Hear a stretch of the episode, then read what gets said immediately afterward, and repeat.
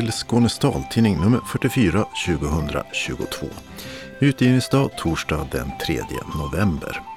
Solen går upp klockan 7.17 och ner redan 16.24.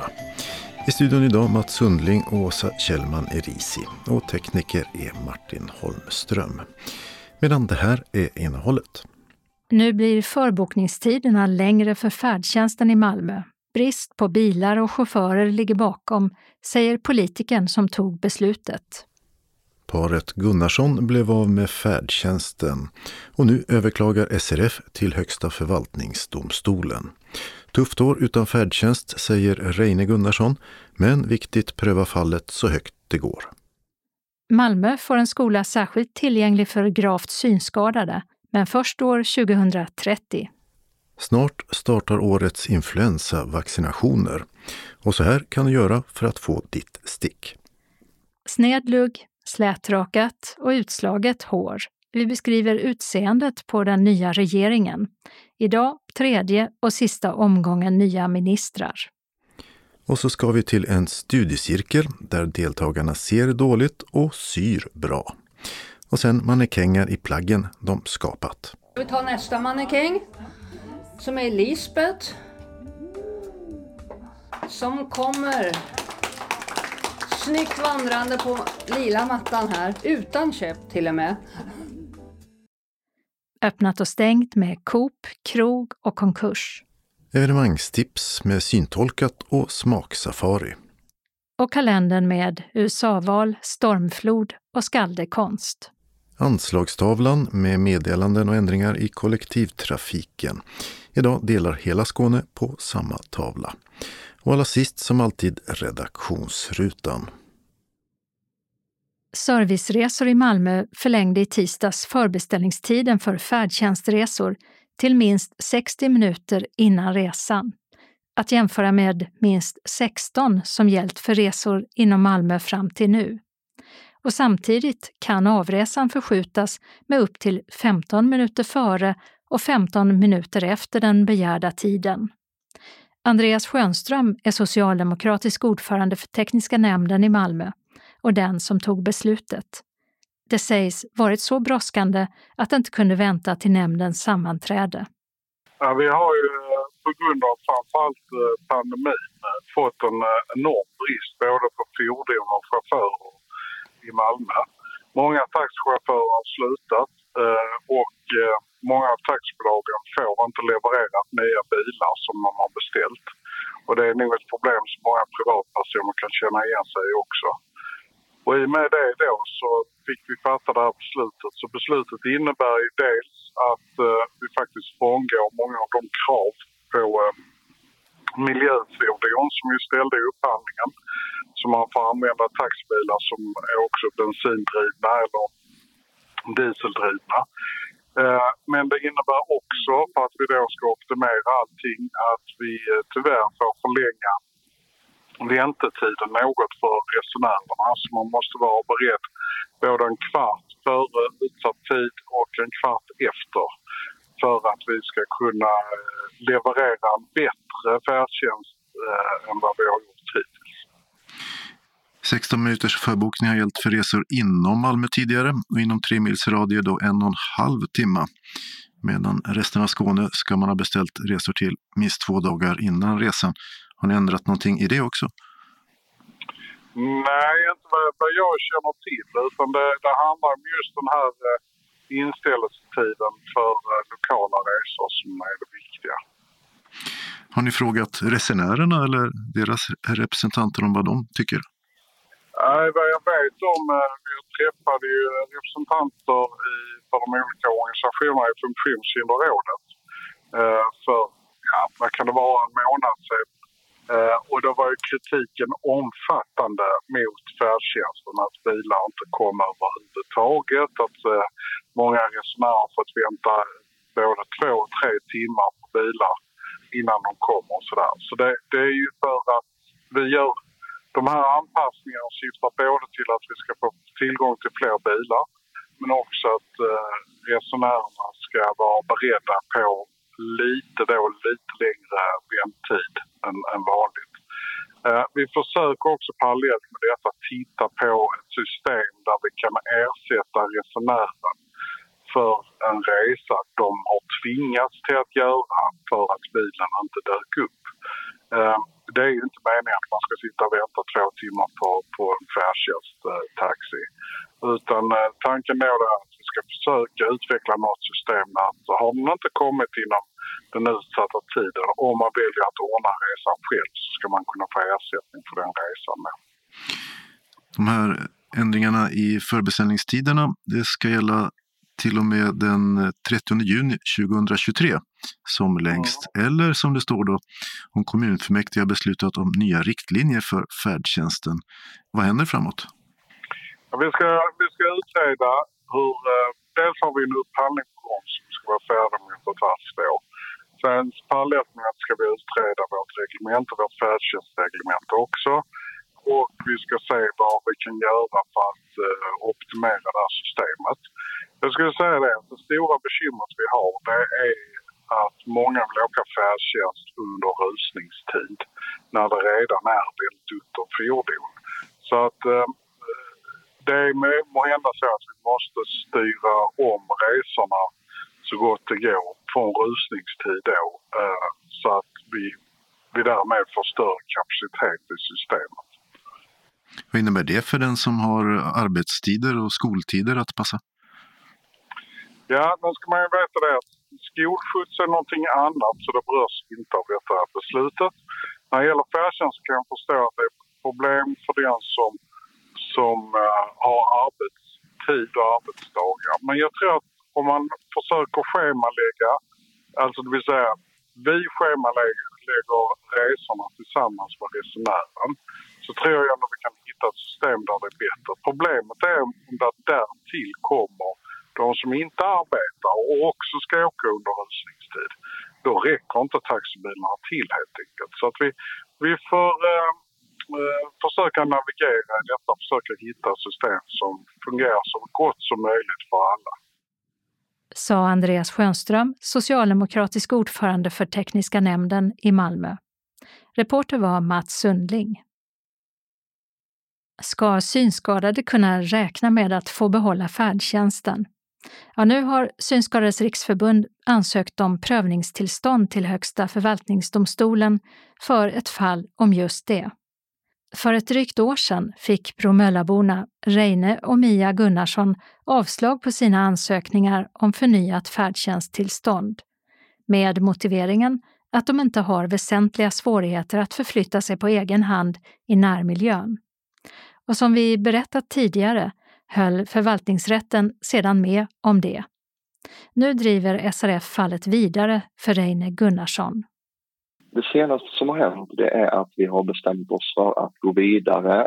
Först var det uppe i förvaltningsdomstolen i Malmö och de gav vi Skånetrafiken rätt då. Och då valde vi att överklaga det till kammarrätten. Och kammarrätten har då meddelat att de inte tar upp ärendet alls. De vill inte ens titta på det utan de väljer att inte ta upp det. Och då hade vi ett ganska långt resonemang, eh, jag och Anna Kvarnström, förbundsjuristen och även intressepolitiskt ansvariga på SRF och resonerade om hur vi skulle gå vidare och om vi skulle gå vidare. Och då valde vi att överklaga till Högsta förvaltningsdomstolen och där, där befinner vi oss just nu att vi har skickat in en sån överklagan. Men det gäller bara dig och inte din fru Mia som ju blev av med färdtjänsten samtidigt. Hur kommer det sig? Det stämmer och vi hade ett resonemang, eh, jag och Mia också, om det här. Och hon, hon har ju provat att söka om färdtjänsten igen under tiden som ja, på väg till kammarrätten då. Och då har man från Skånetrafikens sida hänvisat till att man tänker inte ens titta på ansökan så länge det fortfarande är ett rättsfall. Och då känner Mia att hon orkar inte vänta längre. Hon vill liksom pröva att söka igen. För att hon ska kunna göra det så måste det här så att säga komma bort från rättsprocessen då, så, så, att man inte åtminstone kan, kan hänvisa till det då. Så att, så att vi kom fram till lite olika bedömningar där, jag och Mia. Att uh, hon är så pass hårt drabbad av det här att inte ha färdtjänst och, och känner att hon har redan väntat i ett år nu. Och, uh, orkar inte vänta längre helt enkelt. Ni har båda vad man brukar kalla för en grav synnedsättning eller grav synskada. Bägge har ledarhundar. Hur har det varit att vara utan färdtjänst nu i över ett år? Är det? Eh, väldigt, väldigt märkligt på många sätt måste jag säga. Det har varit eh, väldigt, väldigt tufft. Eh, vi har varit tvungna att avstå från en massa saker som vi skulle vilja göra eller, eller brukar göra. Vi har inte kunnat hälsa på vänner och bekanta så som vi brukar göra. Sådana som inte bor dit kollektivtrafiken kan nå på ett smidigt sätt. Ehm, man kan väl säga också att Mia har lite fler sådana här ställen som hon brukar ta sig till dit man inte kan ta sig med kollektivtrafiken på ett smidigt sätt. Så hon drabbas ännu mer av det här plus att hon, hon ju har en, en gravare synnedsättning. Hon är ju i princip helt blind då. Så att hon eh, har ju ännu sämre förutsättningar egentligen att ta sig någonstans utan hjälp dit man inte hittar så att säga.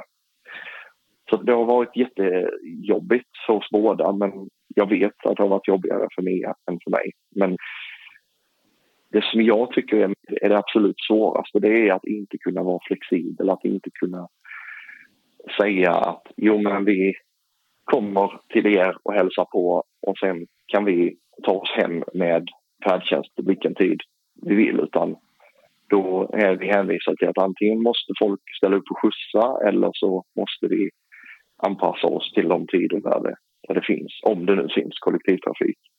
Så det påverkar på många olika sätt. Vårt liv har förändrats rätt så mycket kan man säga. Mycket mer osjälvständiga. Mm. Avslaget ni fick eh, motiverar ju då förvaltningsrätten och Skånetrafiken innan dess med att ni ju inte har några problem med att åka själva bussresan om ni sitter på plats eller tåget och att ni inte heller har några väsentliga svårigheter att förflytta er på egen hand i närmiljön, det vill säga i Bromölla.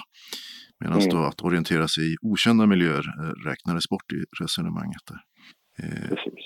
Kort kommentar på det, det är att även om vi kan förflytta oss här då i Bromölla eller även om man har tränat in en väg någon annanstans dit man också kan förflytta sig så diskvalificerar det ju fortfarande alla andra ställen dit vi inte har tränat in vägarna. Det, det är som flera stycken har påpekat att det går ju inte att träna in alla vägar som man skulle kunna tänkas ta sig. Utan då får man hålla sig till att och, och ta sig de sträckor dit man faktiskt har tränat in vägarna. Och vem övrigt i samhället skulle finna sig i det? Liksom. Att, att bara få lov att åka eller ta sig ett begränsat antal sträckor. Och sen är det också så att när det gäller kollektivtrafiken så är det ju så mycket som kan förändras och gå fel. Det kan bli, det kan bli förseningar, det kan bli inställda tåg eller bussar. Det kan bli eh, så att man förändrar vart bussarna framförallt stannar någonstans. Så att en busshållplats som man är van vid att kunna hitta till kanske inte gäller vid en viss tid och då, då vet man inte vart man ska ta vägen. Det är så otroligt mycket som, som gör att det här inte är så enkelt som man får det att låta. Och det håller Synskadades riksförbund med om, för de hjälper er att driva det här. Det här gör du, har du berättat, inte bara för din egen skull, utan också för andra synskadade, om jag förstått rätt. Varför är det så viktigt?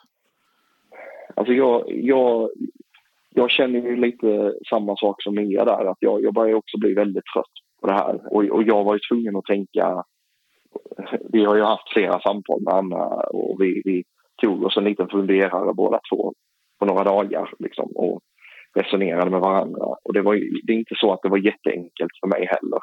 Men, men jag kom ändå fram till att det här är, är otroligt viktigt för alla oss som har färdtjänst som har en synnedsättning. Därför att om man om det visar sig att man kan göra så här och man kan göra det med lagens stöd så att säga då diskvalificerar det ju alla synskadade till att ha färdtjänst egentligen. Och då måste man ju fråga sig hur är färdtjänstlagen, är den relevant eller måste den förändras? Och, och det, det ligger ju ett förslag från förra regeringen om att, eller eh, man har gjort en utfästelse om att man ska se över färdtjänstlagen. Och det här, som jag förstår det, så skulle detta göras innan nästa sommar då. Nu har vi ju en ny regering och vi vill ju också att de ska känna att trycket från synskaderörelsens sida att vi driver det här vidare, vi släpper inte detta, vi kommer att ligga på dem och se att de verkligen gör den här översynen. Så jag, jag, tycker av flera skäl, både intressepolitiskt och rättsligt, tycker det är väldigt viktigt att få det hela prövat så högt upp som det går. Det sa Reine Gunnarsson från Bromölla, vars ansökan om prövningstillstånd i färdtjänstmålet nu alltså ligger hos Högsta förvaltningsdomstolen. Skånetrafiken har meddelat taltidningen att de inte kan uttala sig i enskilda ärenden, oavsett den enskildes inställning. Reporter var Mats Sundling. Samtliga elever med blindhet eller grav synnedsättning är i behov av en specialiserad lärmiljö. Ja, det slås fast i Malmö stads strategidokument om synskadade elever i grundskolan.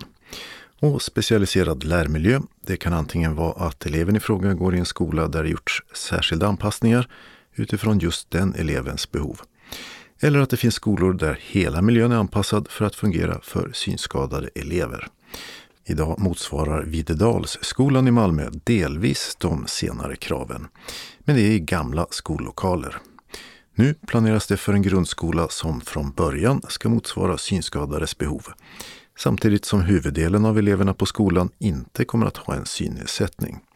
Dessutom ska skolan vara ett kunskapscenter som kan stödja elever och personal på andra skolor. Sonja Totta är utvecklingssamordnare med inriktning syn vid grundskoleförvaltningen i Malmö stad och har tagit fram strategidokumentet.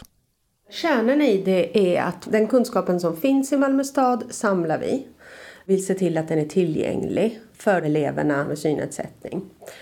Och bakgrunden är att synnedsättningen är så pass ovanlig funktionsnedsättning så att om en elev blir placerad på en skola så kanske den skolan inte har träffat en elev med synnedsättning på 20 år. Och nästa elev kommer kanske om 20 år. Och det ville vi komma ifrån genom att vi då liksom har en kunskapsnav som är på Videdalsskolan.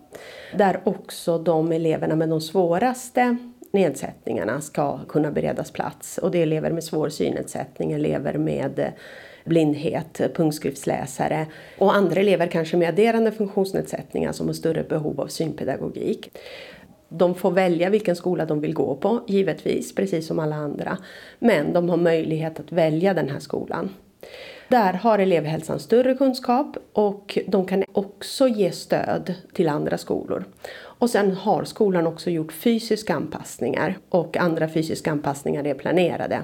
Så att den fysiska miljön redan är tillrättalagd för de här eleverna. Det finns anpassad belysning i klassrummen där de här eleverna går, anpassad utemiljö, eh, i alla fall på lågstadiet. På mellanstadiet går ingen elev men det ska anpassas.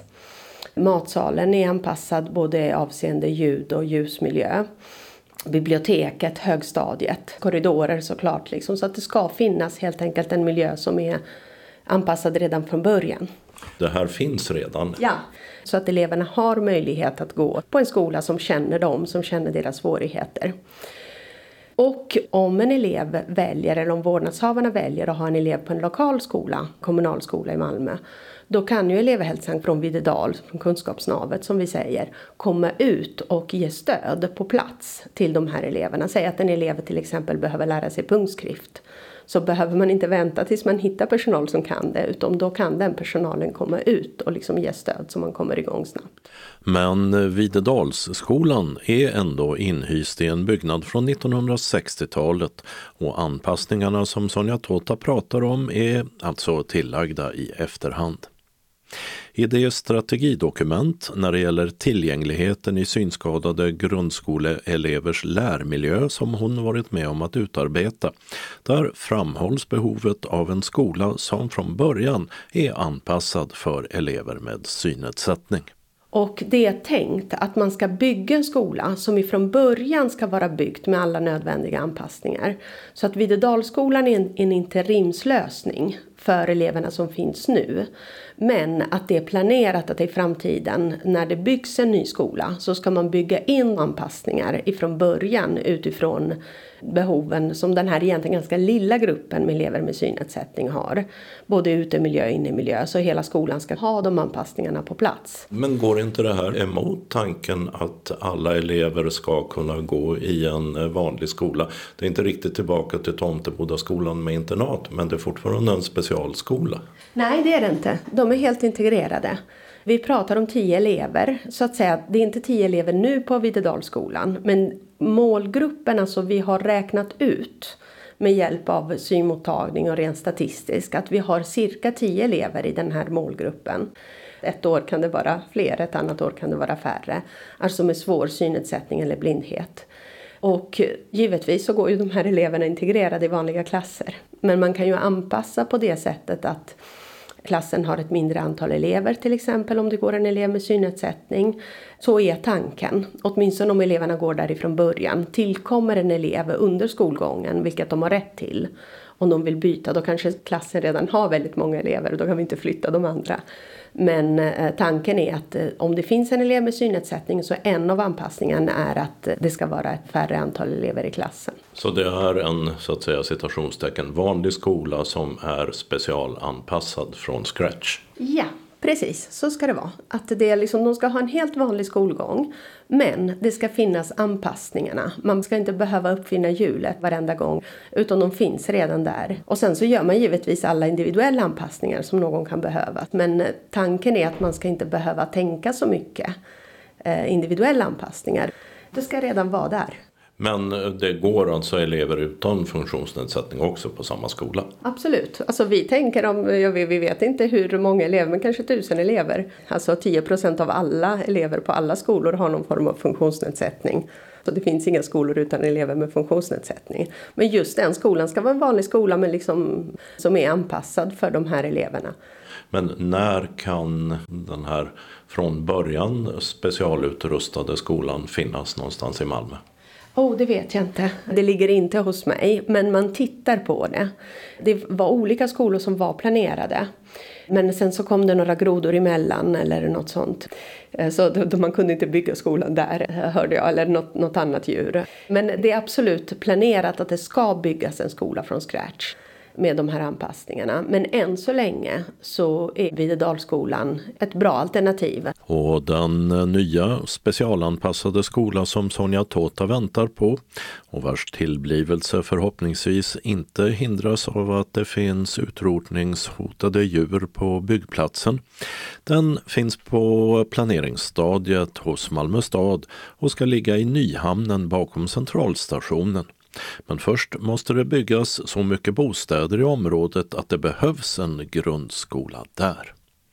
Och Jesper Svedgard på enheten för lokalplanering vid grundskoleförvaltningen uppger för taltidningen att en skola med hög specialiserad lärmiljö för elever med synnedsättning planeras vara färdigställd i Nyhamnen 2030. Reporter var Dodo Parekas. Och I löpsedeln på vår hemsida finns en länk till ett reportage om synverksamheten på Videdalsskolan från 2018. Vaccinationerna inför årets influensasäsong drar igång den 8 november. Och det är den som är 65 år och äldre samt riskgrupper som vaccineras gratis på vårdcentralerna. Nämligen gravida från och med 12 graviditetsveckan samt de som på grund av bakomliggande sjukdom har en ökad risk att bli svårt sjuka om de smittas. Det är om man har hjärtsjukdom, lungsjukdom som KOL eller svår astma, diabetes typ 1 eller typ 2, kraftigt nedsatt immunförsvar på grund av en sjukdom eller en behandling, kronisk leversvikt eller njursvikt, mycket kraftig övervikt, neuromuskulär sjukdom som påverkar andningen eller om man har flera funktionsnedsättningar. Tidsbokning görs direkt till din vårdcentral. Och den som inte tagit sin påfyllnadsdos mot covid-19 kan få denna i samband med att man får influensavaccinet. Förutsatt att det gått minst fyra månader sedan senaste dosen covid-19-vaccin. Den som är yngre än 65 år och inte tillhör någon riskgrupp hänvisas till privata vaccinationsmottagningar för att vaccinera sig mot säsongsinfluensan och det är då inte kostnadsfritt. Vaccinet innebär inte något garanterat skydd mot smitta. Däremot så minskar risken att bli allvarligt sjuk om man skulle få influensa. Vaccinet skyddar bara en säsong, så den förra influensasprutan man fått ger inget skydd. Information om vaccination mot influensa finns även på 1177.se. Så har vi kommit till den tredje och sista omgången där vi berättar hur de olika ministrarna i den nya regeringen ser ut. Sju stycken är de till antalet denna gång. Karl-Oskar Bolin tillhör Moderaterna och är ursprungligen från Dalarna. Han är född 1986 och titeln är minister för civilt försvar. Bolin har studerat juridik och varit kommunpolitiker i Borlänge. Han har ett avlångt ansikte med dit och näsa och har rätt kraftigt någon centimeter långt ljusbrunt skägg och en ljusare mustasch. Ögonen är gråmelerade med aningen till rynkor under och på pressbilden bär han mörk kostym och slips samt vit skjorta. På andra bilder är kavajen ljusare och slipsen lyser med sin frånvaro. Maria Malmer Stenergard kommer från Norra Åsumik. Hon föddes 1981, har suttit i riksdagen för Moderaterna sedan 2014, är systemvetare och som sådan har hon jobbat på Tetra Pak i Lund. Hon har även juristexamen och har varit kronofogde och är numera Sveriges migrationsminister. Maria Malmer Stenegard har långt mörkt hår, på pressbilden samlat i hästsvans och med lång snedlugg. Hon är diskret sminkad, har gråblå ögon, en ganska smal mun och rätt liten näsa. Hon bär glasögon med tunna mörkt grå bågar och har en röd kavaj med ganska urringad svart blus under. På kavajen ett märke med Sveriges och Ukrainas korslagda flaggor. Acko Ankarberg Johansson från Huskvarna är kristdemokrat och Sveriges sjukvårdsminister. Hon är född 1964, har varit politiker i Jönköping, i SKR, Sveriges kommuner och regioner och i åtta år även varit Kristdemokraternas partisekreterare. Hon var utredare om valfrihet i vården, något som blev lag 2009. På regeringens pressbild har ministern utslaget skarpt vitblont hår i parsfrisyr med sidbena. Ögonbrynen är mörka ovanför de gråblå ögonen. Ansiktsformen är åt det fyrkantiga hållet, munnen ganska smal och sminkningen diskret. Hon är på bilden klädd i en kraglös vit blus med tätt mönster av gröna färgduttar. Camilla Waltersson Grönvall heter socialtjänstministern. Hon är lärare, 53 år gammal, har varit moderat riksdagsledamot sedan 2010 och även partiets socialpolitiska talesperson. I ministeruppgifterna ingår ansvaret för personlig assistans och LSS. Och I regeringsförklaringen sa statsminister Ulf Kristersson bland annat citat Åtgärder för ett statligt helhetsansvar för personlig assistans inom ramen för LSS ska övervägas." Slutcitat.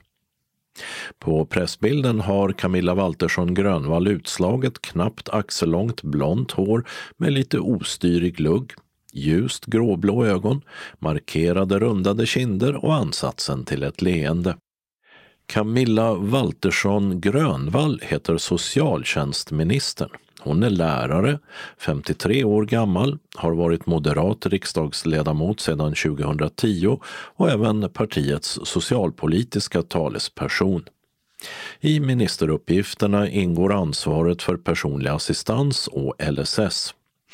Och I regeringsförklaringen sa statsminister Ulf Kristersson bland annat citat Åtgärder för ett statligt helhetsansvar för personlig assistans inom ramen för LSS ska övervägas." Slutcitat. På pressbilden har Camilla Waltersson Grönvall utslaget knappt axellångt blont hår med lite ostyrig lugg, ljust gråblå ögon, markerade rundade kinder och ansatsen till ett leende. Hon är osminkad förutom diskret mascara och eyeliner och hon är klädd i en svart tröja med vid polokrage.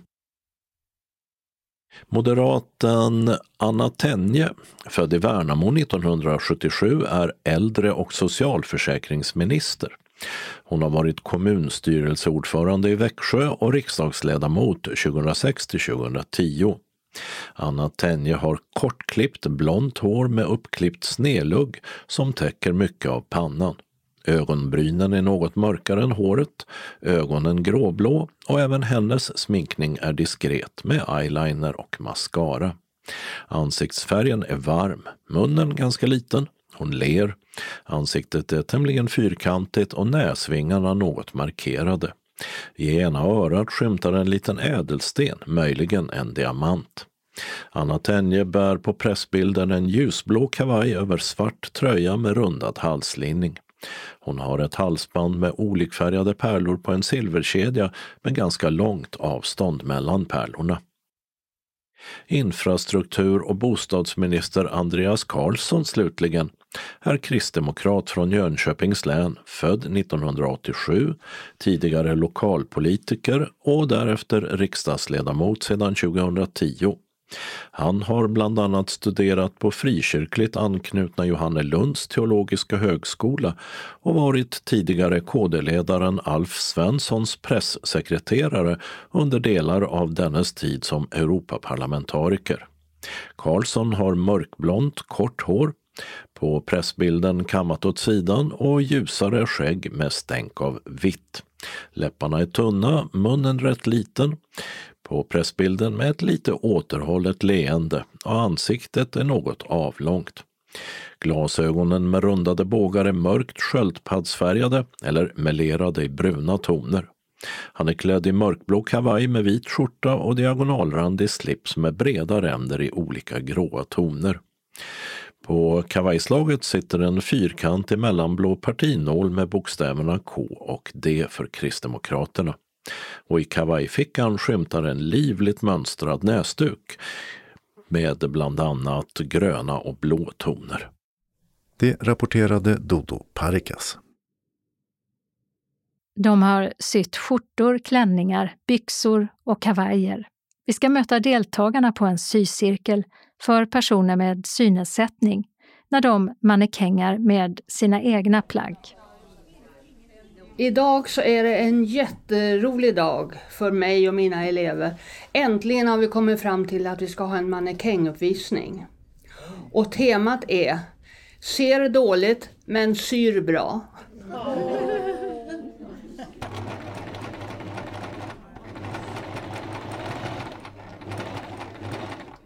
Syläraren Maud Hägers fem elever står startklara för att visa upp sina kläder som de sytt på sycirkeln. En gång i veckan har de träffats ett par timmar och kämpat på med sömmar, sytrådar och knapphål. En av dem som kommer att gå ut på den utlagda lila mattan i Gotlandssalen är Mona Wenström som berättar om klänningen hon har på sig. Det är en eh, jerseyklänning, en typisk sommarklänning lite så här t-shirtsmodell i cerise. Eh, det är alltså mörk skarp eh, rosa. Eh, den är vadlång och med båtringning och kortarm och så. Väldigt enkel men jätteskön. På. Du har sytt den här själv? Ja, jag har sytt den helt själv. Maud har hjälpt mig att klippa efter mönster. För det är jättesvårt. Eh, så det har hon gjort och sen har jag sytt och sen frågar jag henne om det är någonting och så. Men jag har sytt allting liksom. Ser du någonting? Nej, jag ser ingenting. Men hur funkar det då? Nej, men det funkar eh, jättebra. Alltså man får ju... Alltså jag har sytt mycket i mina dagar så att jag har liksom hantverket i händerna kan man ju säga. Men man får ha koll på pressafoten och hålla, eh, styra med fingrarna eh, och, ja, så att man kan sy rakt och så, följa kanten. Nu ser jag att eh, dina sömmar är väldigt raka. Ja, jag är så noga. Jag är pedant, säger Maud. Krävs det att man är en sån som har sytt tidigare för att klara av det här? Absolut inte.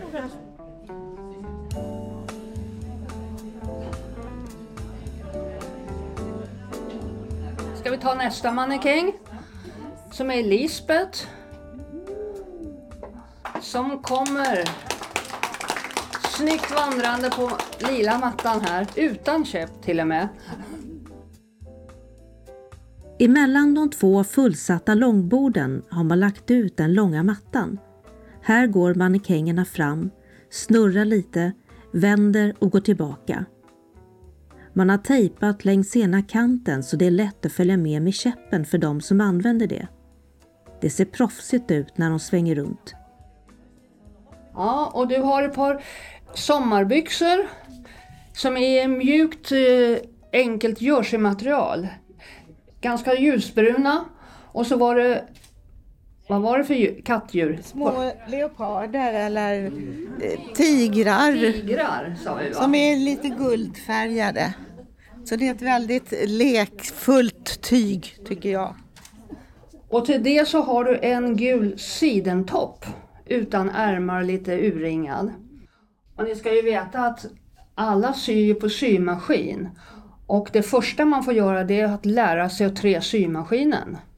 Det gör inte jag. Utan man får sy på symaskin och sen får man sy lite grann för hand också. Jag är väldigt hård på det här. Lisbeth Åslund. Hon brukar hjälpa till när man har suttit en kvart med den här nålpåträdaren och inte fått i tråden. Då kommer Maud. ja. Modellerna kommer visa upp två set av kläder som de sytt. Och sen kommer allt hängas upp på en ställning så att man kan gå fram och titta närmare och känna på allt. Men en del vill göra det med en gång, som Barbro Lindell. Vad är det Barbro? Så kan du kan känna på tyget. Jag tycker inte att det är sidan. Men det, men det är... Tyget påminner om duchesse. Ja, Ja, det var lite tjockare. men, men det, det skry, det skrynklar inte alltså. Nej, men är det här, är, den var enfärgat gul. Ja, det är gult. Ja, och sen hade du så, ja. det är det här du menar? Ja, precis. Ja, precis. Ja. Mm. Jättefin. Jag får ta på brallan. Ja, Joshi. Ja. Ja, vad kul. Det ska ju vara djur på idag, i år. Ja. Ja. Jättefint. Jättefin. Jättefin. Att tyget inte ska dra sig när man syr. Det, det här är en konst förstår ni, så att jag tycker det är så roligt att få visa upp det här. Publiken ställer frågor både till sömnadseleverna och till läraren Maud Häger som ger sytips. Vem som klipper till tyget är oftast jag som klipper till. Men eh, när man blir duktig och det är inte så svåra grejer att klippa till så får man göra det själv. Och då finns det någonting som heter vaxsnören. Det ser ut som piprensare, men de är kladdiga. Och då kan man sätta det på tyget och så kan man följa det.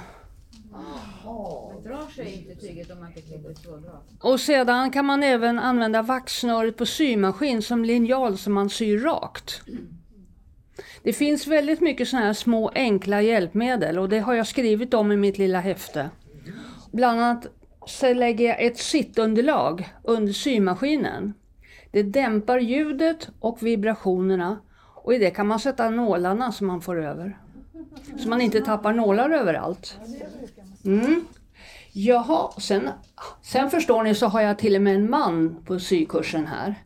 Inte min man, en annan man. Suleiman. Och han har verkligen satt mig på pottkanten. För när det gällde att sy kvinnliga mönster, då var jag van. Manskläder har jag inte sytt på många år. Så det var lite besvärligt när han kom här och skulle sy skjortor. Varsågod och gå, kom ut på mattan här.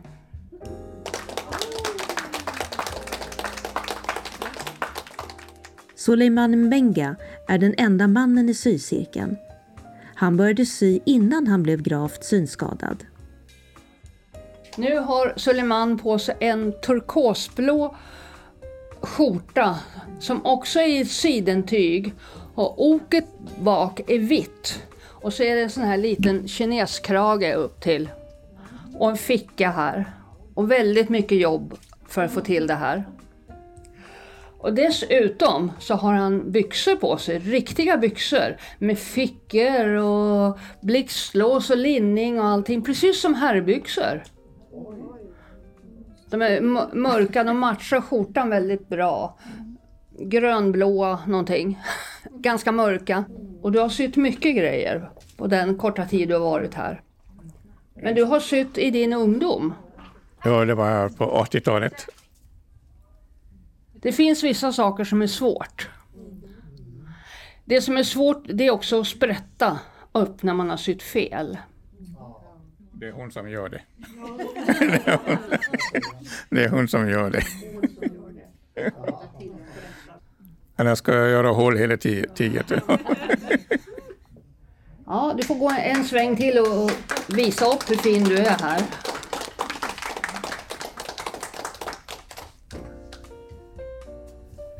Så kommer nästa mannekäng, Mona. Oj, oj, oj. Jag börjar nerifrån här. Hon har svarta sommarbyxor, svarta med vitt mönster på och det är blad, lite mindre bladmönster. Men till det så har hon något utav det svåraste som vi har sytt. En svart jacka. Då kommer hon med ett mönster och så ber hon mig klippa ut mönstret. Ja, det var bara 15 delar. För den är figursydd.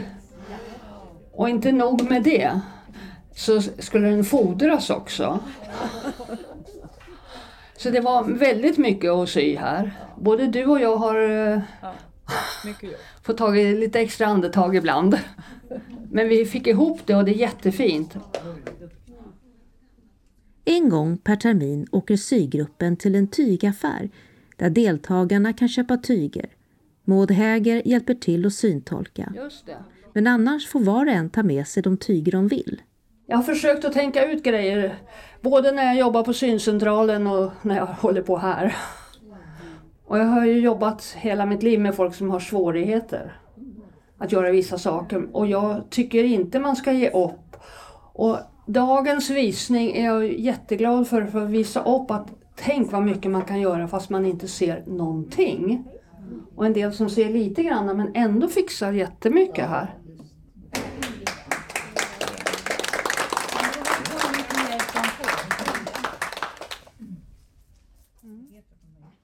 Publiken och mannekängerna har samlats vid klädställningen där man kan bläddra och titta och känna på alla kläder. Lisbeth Åslund visar olika plagg. Här kommer Monas kavaj. Som hon, alltså hon sytt en jättesnygg kjol som är sömmar fram så det, blir, det är jättefint sving i den när hon går. tyg. Ja, och sen så blev det här kvar. Anne tittar närmare på några av blusarna. Nej, jag var, råkade vara ledig idag och tyckte det var roligt att uh, veta vad de hade skapat under den här kursen. Tyckte du att du fick reda på ordentligt vad, vad det är för kläder? Ja, men absolut. De var jättebra på att berätta det. Och sen får man just att man får känna efteråt. Ännu roligare. Är det något som du blev lite sådär extra förtjust i? Ja, eh, de här eh, blusen i Bäckebölja. Vad betyder det här för dig att du har kunnat gå här? Alltså, dels är det ju en väldigt trevlig gemenskap och sen tycker jag att det är roligt att göra någonting med händerna. Och jag har sytt ganska mycket förut. När jag såg. Fast den är inte hellång. Eh, eh, jag blev synskadad när jag var 30 år. Så jag sydde till barnen och så. Så att, ja, det är lite... Det, Nedanför halva vaden. det, det har ju gått åt både tårar och svett liksom till allt. Och sytt. Nej, men det har, varit, det har betytt. Det har betytt mycket. Suleiman Mbenga har sytt många plagg, inte bara till sig själv utan också till barn och barnbarn och vänner. Det var hans fru som lärde honom att sy. Min fru som avlidit Irene, hon kunde sy och det var hon som lärde mig att sy skjortor och byxor. Men var kommer ditt intresse ifrån? Ja, intresset är det när hon började lära mig, så där kommer det intresset från. Men då kunde du se eller? Ja, den tiden, ja. Den tiden ser jag bra. Men sen när jag har problem med ögonen, Och, eh, och syncentralen, min eh, vad heter, kurator och eh, synpedagoger, de försökte att jag skulle hålla på någonting med istället för stanna hemma och, och fundera på den här och tycka synd om mig själv och sånt. Då sa de, har du någon hobby? Jag sa, jag har många hobby. Hobby med bilar, med snickeri och allt möjligt, det har jag då. Men då sa jag, men jag sa, nej med det här ögon, jag tror inte. Och målningen och sånt var då sen, jo men det finns hjälpmedel. Till slut var då har de bokat mig till Hagaberg. Så detta började jag ha förtroende på mig att ja, det skulle gå, med det här hjälpmedlet det ska gå. Anne Måndotter går också på kursen och har visat upp sina kläder. Men hon hade inget självklart förhållande till sömnad. Mitt förflutna med sömnad är att jag var livrädd för syfröken i skolan. Eh, jag, man var livrädd för att ha sönder symaskinsnålen, vilket jag gjorde titt som tätt och sådana här saker. Fick man en utskällning, så att jag har inte vågat ägna mig åt det där med sömnad förrän för några år sedan när jag kom hit. Um, och då kom jag hit, då såg jag lite bättre än vad jag gör nu och tänkte att det är väl ganska dumt att börja ägna sig åt att sy när synen blir sämre och sämre. Men så kom jag på första lektionen och då sitter det en gammal man som är över 80, helt blind och sitter och syr finbyxor till sig själv. Och då kände jag att jag kan absolut inte skylla på synen något mer för att jag inte ska ägna mig åt sömnad. Så sen har jag gått här och tycker det är jättekul sätt att förverkliga sina egna idéer när det gäller kläder och sådär. Jag känner att eh, många av de andra på kursen här är ju jätteduktiga, liksom, och mycket duktigare än jag. Men, så jag tar nog mycket mer hjälp än de flesta. Jag, jag, gör slut på Lisbets eh, nålpåträdare för jag kvaddar dem. ja. Men kan ni hjälpa varandra då, Lisbeth? Ja, till exempel med nålpåträdare och sen jag har ingen röd sytråd. Hjälp, jag behöver röd sytråd. Ja, men det har jag, säger någon där borta i hörnet. Något som är intressant är ju att det är, ju, det är ofta de som ser sämst som är de som är eh, liksom bäst på att hjälpa till och trämaskiner och såna här saker. Det, det, är lite kul. När någon ny kom till, till gruppen och hade lite svårt att trämaskinen och förväntade sig väl inte att den som eh, är helt blind i gruppen skulle kunna hjälpa till med det, men det gjorde hon om man nu eh, hör det här, för den som hör det här och tänker att men gud vad läskigt, jag ser inte längre, hur, eh, hur ska det gå? Vad, vad skulle du Suleiman säga till den personen då? Jag ska säga till dem att eh, prova innan du tycker att eh, det ska inte gå. Prova. Man måste våga och tro på sig själv. Annars det går inte.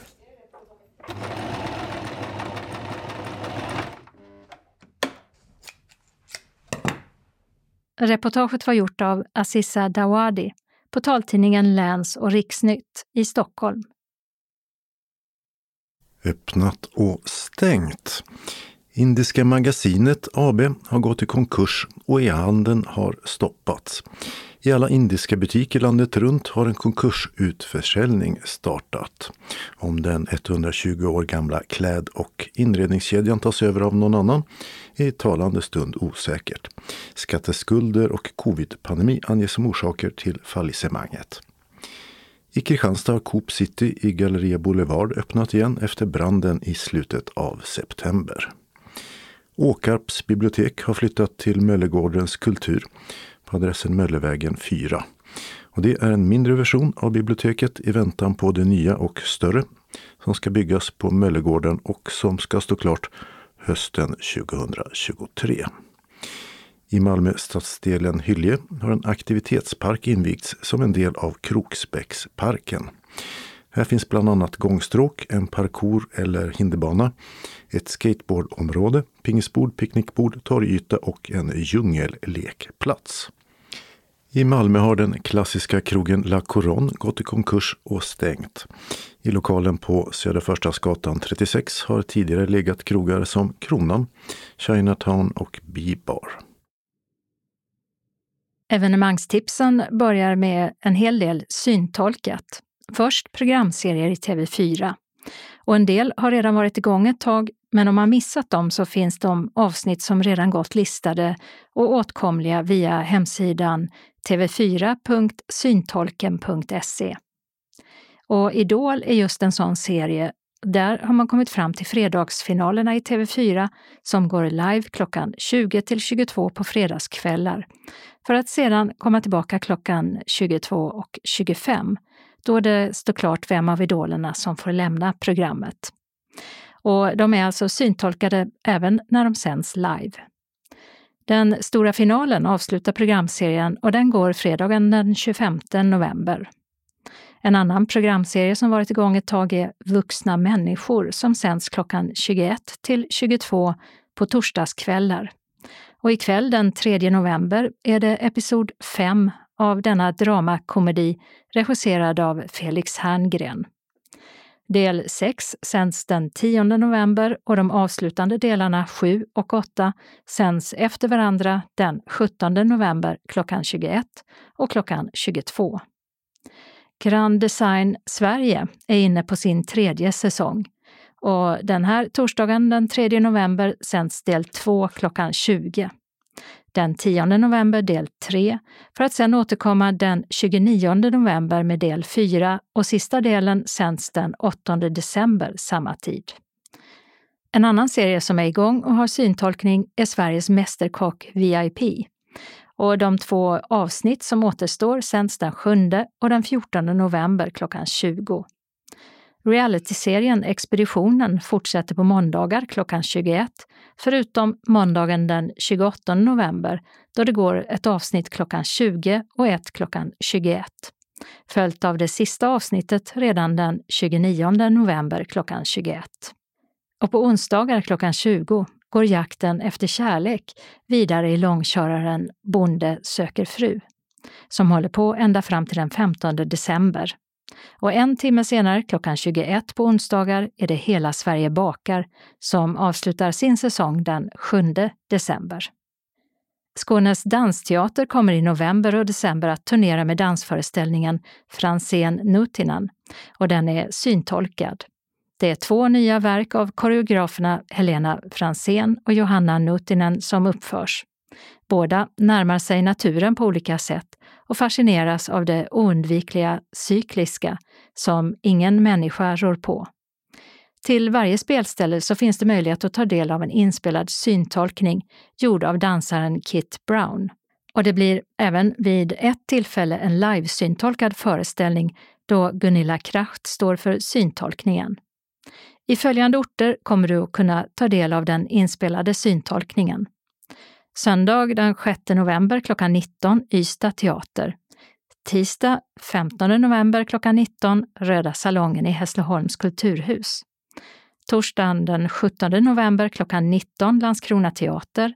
Onsdag den 23 november klockan 19 och då på Skånes dansteater i Malmö. Och torsdagen den 24 november är föreställningen alltså livesyntolkad på Skånes dansteater i Malmö. Och vid detta tillfälle kommer man klockan 18, en timme innan föreställningen börjar, för att ta del av en introduktion. Andra föreställningar på Skånes dansteater är fredagen den 25 till söndagen den 27 november klockan 19 och onsdagen den 30 november till fredagen den 2 december samma tid. Lördagen den 3 december klockan 18 och söndagen den 4 december klockan 16. Sen fortsätter turnén till Helsingborgs stadsteater den 8 till 10 december. Onsdagen den 14 december är sista föreställningen och då klockan 19 på Kristianstad teater. För biljetter mejla till dialog skanesdansteater.se eller ring 0703 44 58 11. På Sjöbo bibliotek är det Teknikdrop-in måndagen den 7 november mellan klockan 14 till 15. Då kan man ta med sig sin egen telefon, surfplatta eller dator och ställa frågor och få hjälp med teknik och internet.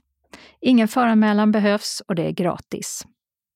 Samma dag den 7 november, men på Tomelilla bibliotek, håller Maria Persson ett föredrag med rubriken Smaksafari, österlensk mathistoria mellan klockan 18 till 19.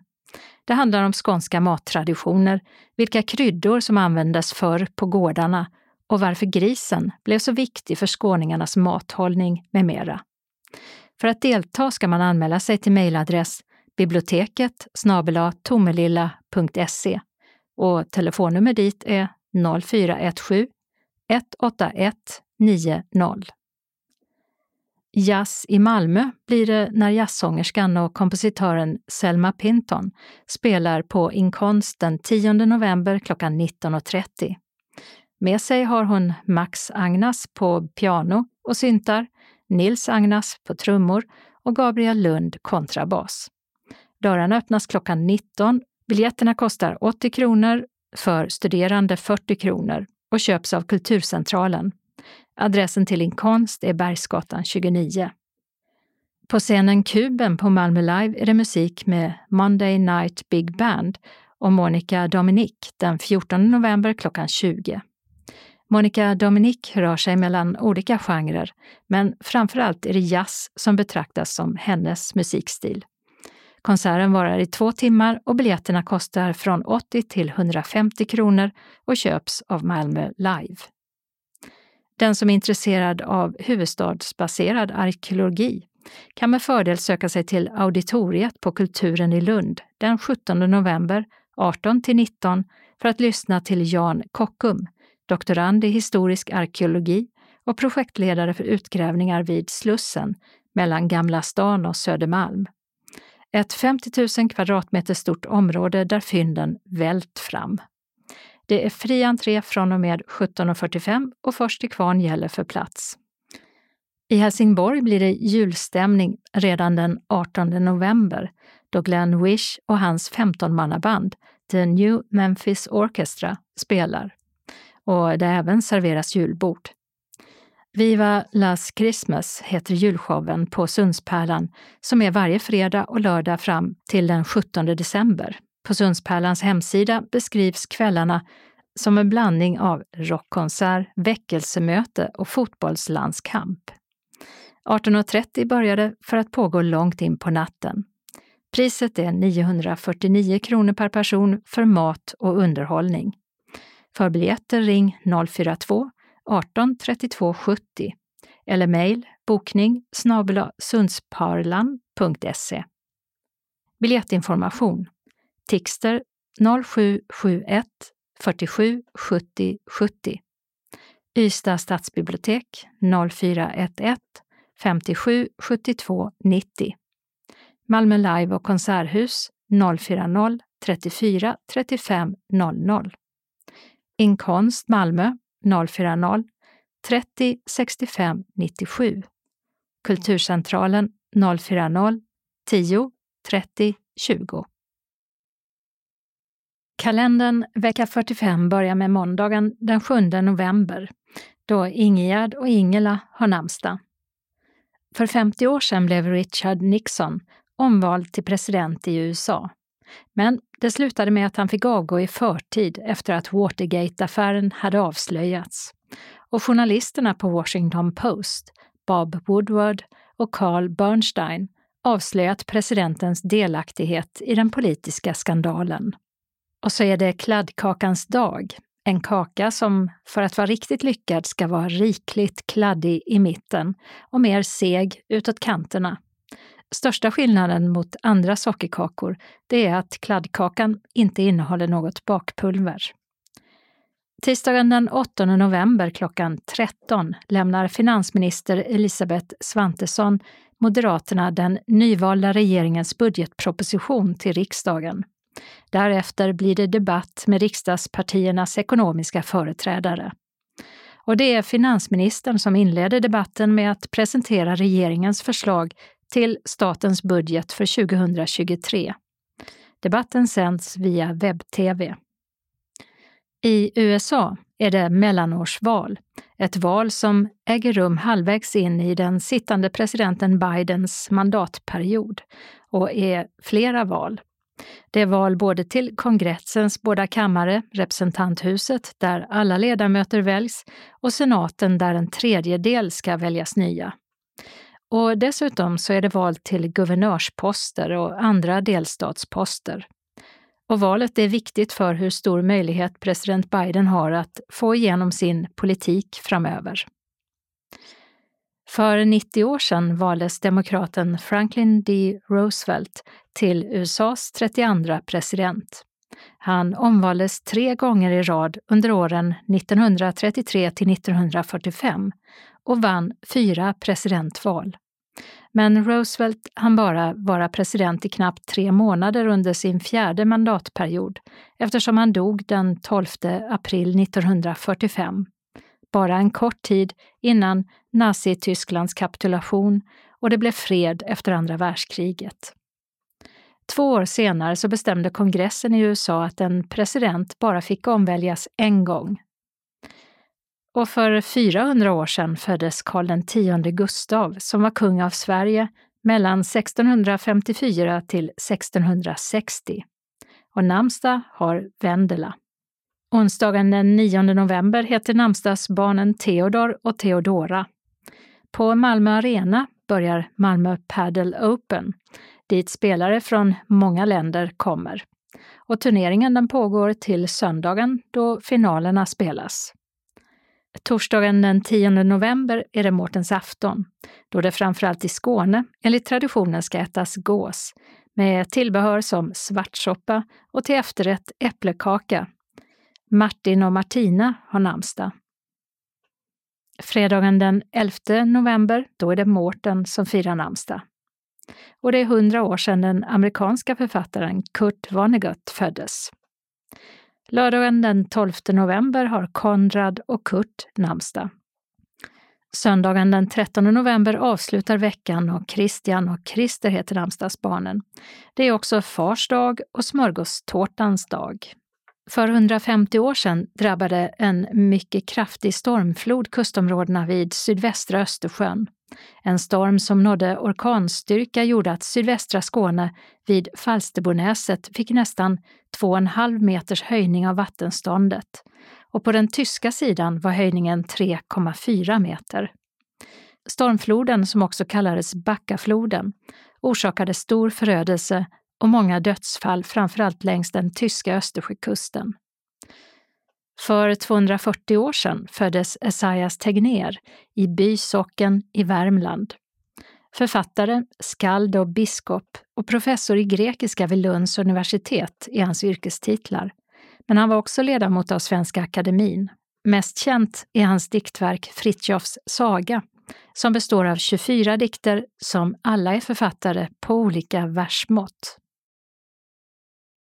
Den regionala delen av anslagstavlan innehåller en inbjudan från SRF Skåne till en syntolkad föreställning av Figaros bröllop på Malmö Opera söndag den 22 januari 2023 klockan 16 till 19.40. Observera att vi träffas klockan 15 för att du ska få biljett, mottagare för syntolkning, lämna in kläder i garderoben och eventuellt beställa något till pausen. Figaros bröllop är ett relationsdrama med inslag av både sängkammarfars och psykologisk komedi. Med Mozarts underbara musik och sin blandning av högt och lågt, trams och allvar ligger den ständigt på operarepertoarens tio i topp-lista. Handlingen är en fortsättning på Barberaren i Sevilla av Rossini. Där är det fixaren Figaro och den unge greve Alma Viva som försöker rädda Rosina ur hennes gamla förmyndares klor. I Figaros bröllop har det gått några år och Almaviva är gift med Rosina. Nu har hon tröttnat på sin fru och har börjat kasta blickar på en annan dam, närmare bestämt Figaros fästmö Susanna. Operan sjungs på italienska, textas på svenska och engelska och texten läses upp av syntolken.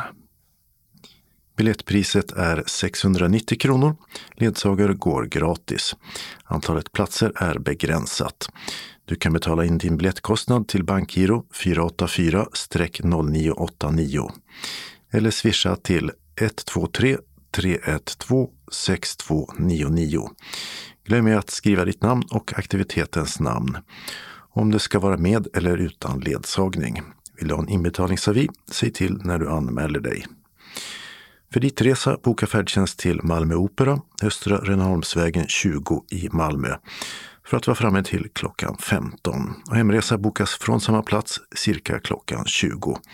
Någon av oss stannar kvar tills din färdtjänst har kommit. Du blir aldrig lämnad ensam kvar.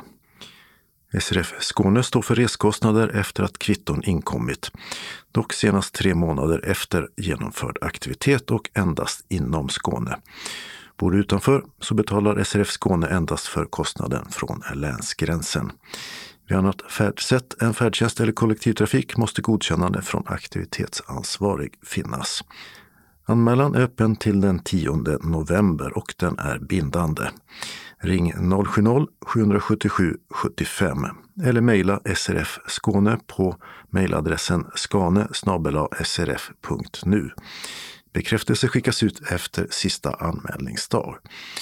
Och får du problem med din resa till Operan, ring 070-324 66 09 och berätta för Maj-Britt att du blir sen eller uteblir. Vi ses, hälsar SRF Skåne och arbetsgruppen Kultur. Den lokala delen av anslagstavlan är idag gemensam för hela Skåne. Och börjar med att SRF Lundabygden bjuder in till bokprat. Onsdag den 16 november klockan 13.30 till 15 kommer Berit från Klostergårdens bibliotek till föreningen för fortsatt inspirerande bokprat över en fika. Hon har med sig tips på böcker och vi spinner vidare utifrån egna läsupplevelser eller nyfikenhet. Sista anmälningsdag hit är 14 november. SRF Lundabygden bjuder också in till medlemsmöte den 24 november klockan 18 till 20.30. Det är på medlemsmötet du kan använda ditt medlemskap genom att närvara och rösta i de frågor som tas upp. Detta är årets sista möte och utöver information från styrelsen har vi ett par mycket viktiga beslut att fatta. Vi ska anta föreningens verksamhetsplan och budget för 2023. Verksamhetsplanen är det som styrelsen sedan har att arbeta efter och det är på detta möte du kan påverka innehållet och därmed föreningens aktiviteter under det kommande året. Vi har dessutom några viktiga val att genomföra. På kommande årsmöte i mars 2023 ska det bland annat väljas en ordförande samt tre övriga ledamöter till styrelsen. För att kunna välja de personer som medlemmarna tror är bäst lämpade att leda föreningen måste dessa identifieras och det gör valberedningen. Och på medlemsmötet nu i november ska vi välja personer till valberedningen. Börja gärna redan idag att fundera på vilka du vill ha i valberedningen och meddela dina förslag till kansliet så snart som möjligt.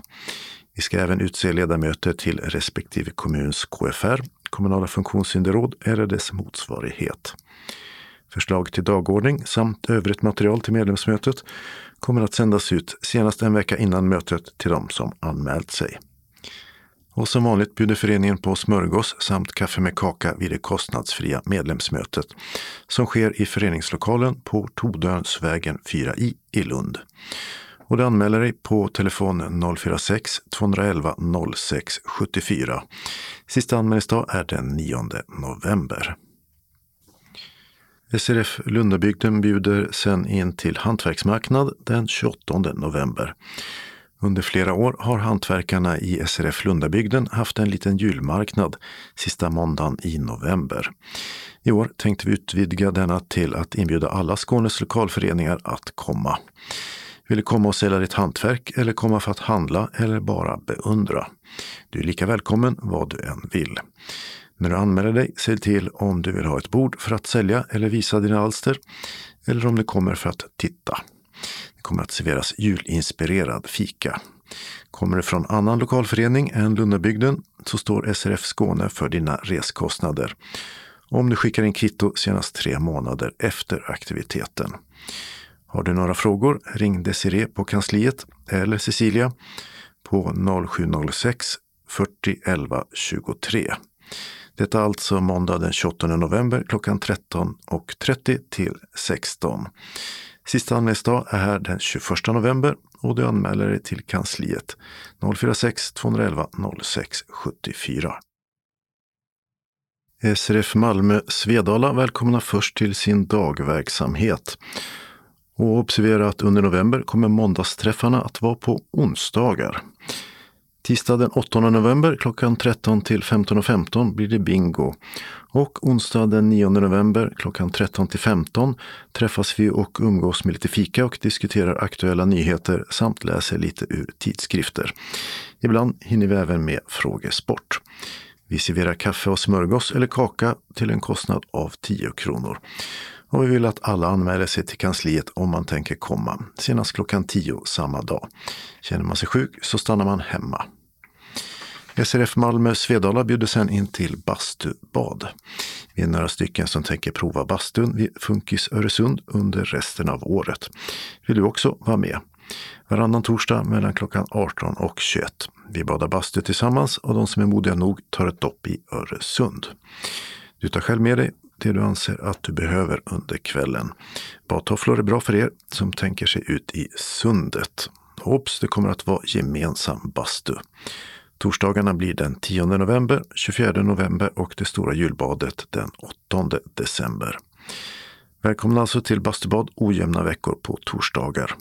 Anmäl dig till föreningens kansli på 040-25 05 40 eller via info srfmalmo.se senast torsdagen för aktiviteten före klockan 12.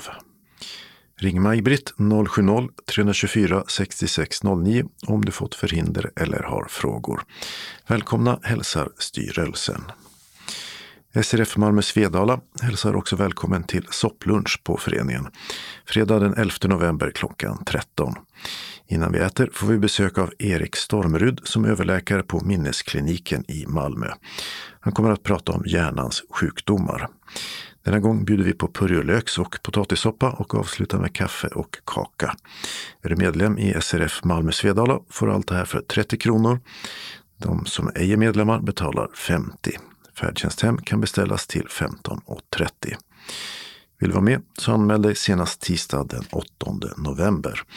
Och glöm inte att meddela allergi eller särskild kost vid anmälan. Varmt välkomna hälsar styrelsen.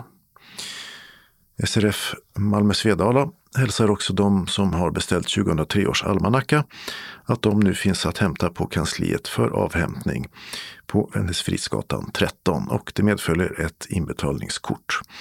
Det går också bra att swisha till 123 077 8050.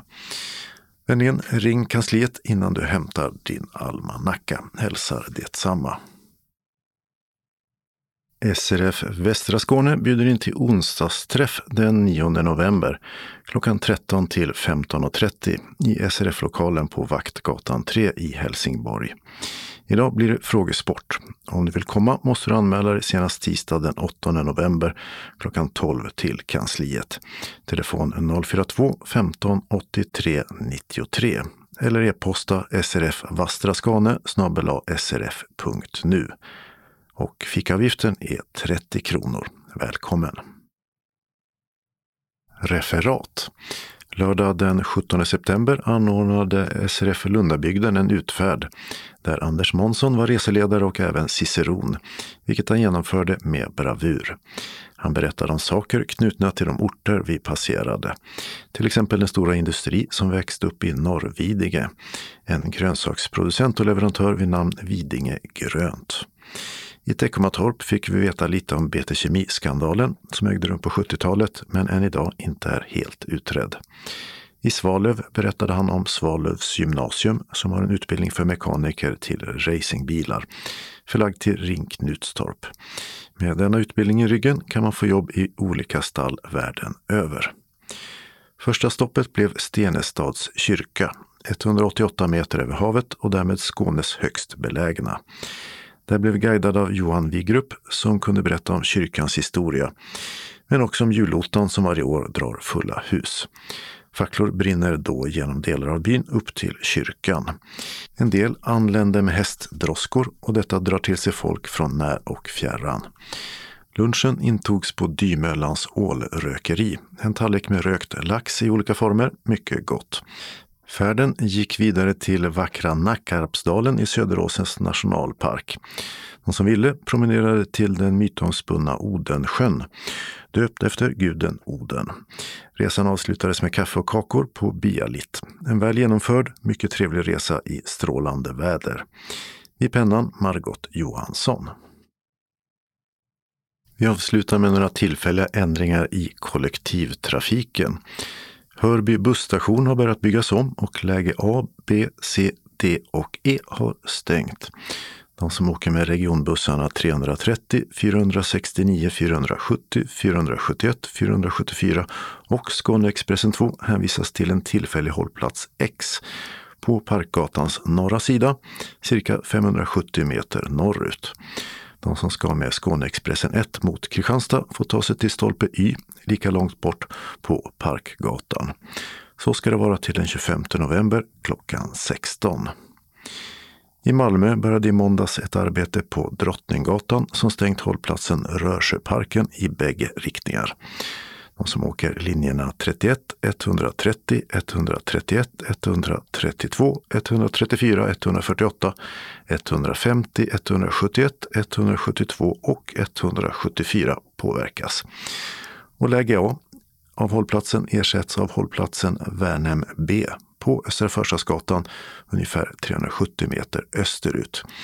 Medan läge B ersätts av hållplatsen Paulibron A som ligger på Drottninggatan lika långt framåt i bussens färdriktning. Den 18 november klockan 15 ska den ordinarie hållplatsen vara igång igen. I Vellinge är en del av Västra Skanörvägen stängd och regionbussarna 100 och 300 hållplats Skanör Stefan Lövings V Läge B är stängd med den. Fram till den 8 november klockan 16 finns en tillfällig stolpe 100 meter bakåt bussens färdriktning. På Gottorpsvägen i Malmö har man stängt stadsbuss 6 hållplats Ollebo läge A fram till den 18 november klockan 15. Tills dess ersätter en tillfällig hållplats på Blåsebergavägen 500 meter åt nordväst. Ett arbete på Malmövägen i Dalby drar ut på tiden med hållplatser för regionbusslinjerna 160, 162 och 174 ska nu vara stängda till den 15 december klockan 16. Och de är som vi tidigare nämnt hållplatserna Järnvägsgatan och Pumpvägen med hänvisning till Dalby busstation. I Helsingborg är ett vägarbete som är igång sedan i början av augusti försenat en gång till. Stadsbuss 7 hållplats Ystadgatan fortsätter vara stängd med hänvisning till hållplatsen Grännagatan, cirka 300 meter i sydöstlig riktning på Sofiebergsvägen. Ny sluttid sägs nu vara den 11 november klockan 16. I Lund stängde i måndags ett VA-arbete av Kastanjegatan och Stadsbuss 5 hållplats Kastanjegatan är stängd till den 5 december. Ersätter gör hållplatsen Esplanaden 300 meter norrut på Södra Esplanaden och hållplatsen Studentlyckan cirka 500 meter åt sydost på Råbyvägen. I Eslöv har ett arbete på Trollenäsvägen börjat och stadsbuss 1 hållplats Vetegatan är stängd med hänvisning till hållplatsen Husarvägen cirka 450 meter åt sydost på samma väg. Så ska det vara där till den 18 november klockan 16. Och I Malmö avslutningsvis började i måndags ett arbete på Citadellsvägen som får flera stadsbussar att ta en annan väg. Hållplatsen Tekniska museet är stängd och läge A, där linjer 7 och 47 brukar stanna, ersätts av hållplatsen Skeppsgatan läge A, cirka 300 meter i nordlig riktning på Skeppsbyggaregatan. Den som reser med linje 10 hänvisas till hållplatsen Tekniska museet läge C som ligger 210 meter i sydvästlig riktning och på Mariedalsvägen.